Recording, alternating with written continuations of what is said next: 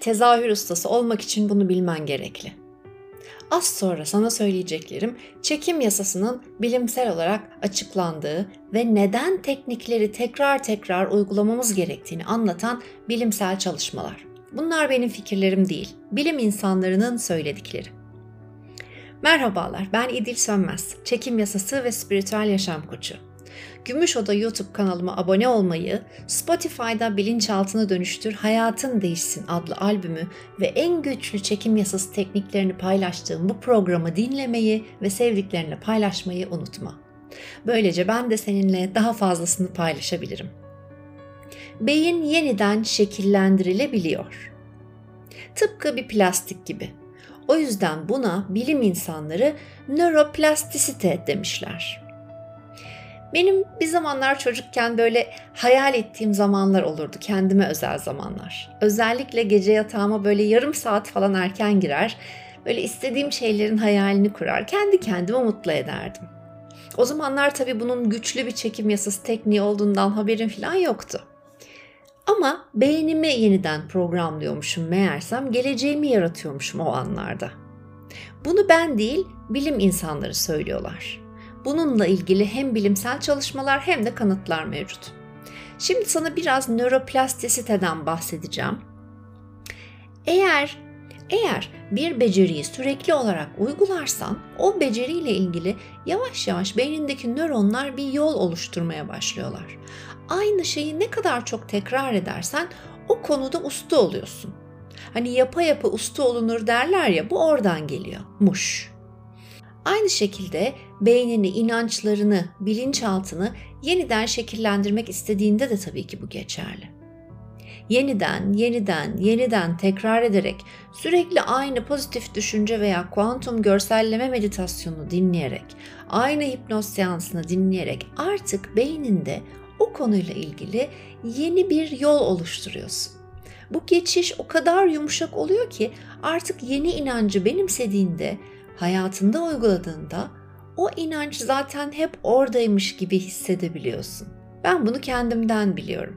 Bir beceriyi ne kadar sık uygularsan, bıkmadan, usanmadan o konuda daha hızlı ve verimli oluyorsun. Her konuda olduğu gibi çekim yasası ustası olma yolunda da aynı şey geçerli. Araba kullanmayı ilk öğrendiğin zamanı hatırla. Belki araba kullanmıyorsun, bununla ilgili başka bir şey seçelim Mesela yürümeyi ilk öğrendiğin zamanlar. Bacak kaslarını ilk defa kullandığın için henüz beynin ve bacakların arasındaki o nöro bağlantılar bile kurulmamıştı. Sürekli sendeleyerek düşe kalka bebekken yürümeyi öğrendin değil mi?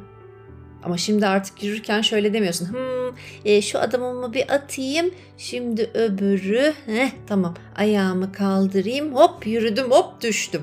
Bir şey ilk defa yapıldığında çok zor gelebiliyor. Bu çok normal.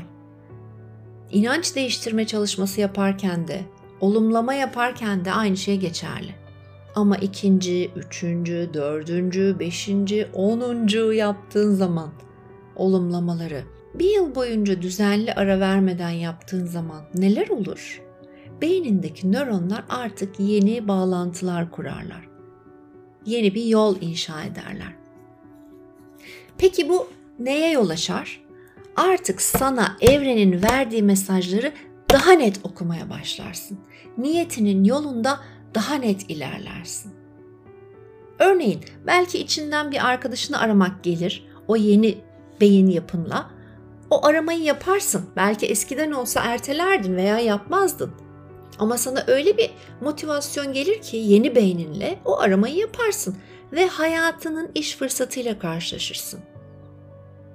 Misal, normalde kabul etmeyeceğin bir ev ziyareti davetini kabul eder ve hayat arkadaşınla tanışırsın. Benim gibi. Belki evde miskin miskin oturmak yerine yürüyüş yapmayı, hareket etmeyi seçer ve sonsuz potansiyel evreninde sana niyetinin kapılarını açacak olan o çok önemli kişiyle karşılaşırsın.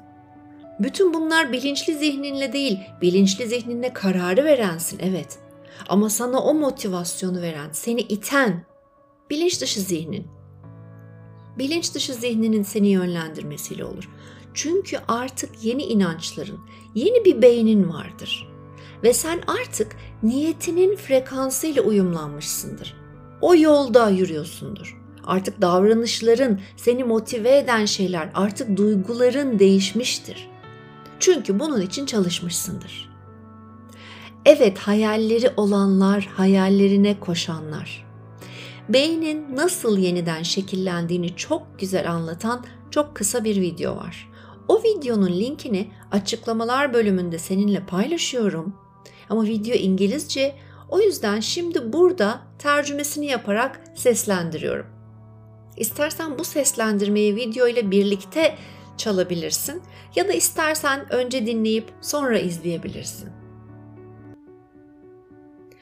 Benim kendi hocam Zeynep Aksoy çevirmişti bu videoyu Türkçe'ye ve eğitimde bize sunmuştu. Ben de şimdi birebir kendisinin yaptığı çeviriyi size sunacağım. Yakın zamana kadar bilim insanları beynin değişmediğini düşünüyorlardı.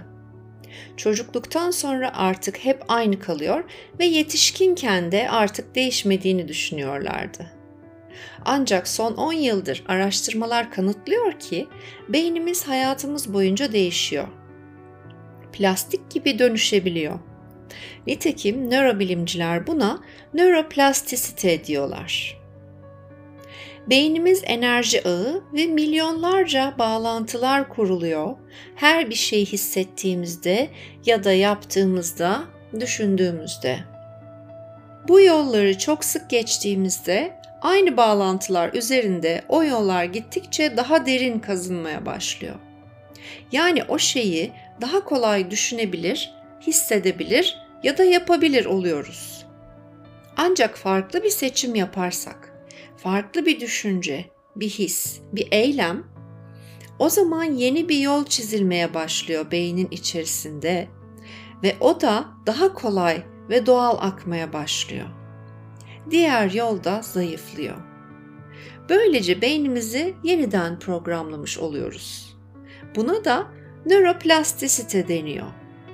Kendi beynimizi yeniden programlayabiliyoruz.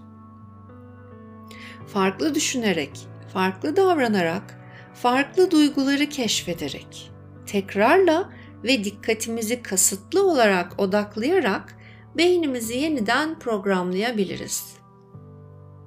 Güzel geçsin gününüz. Görüşürüz.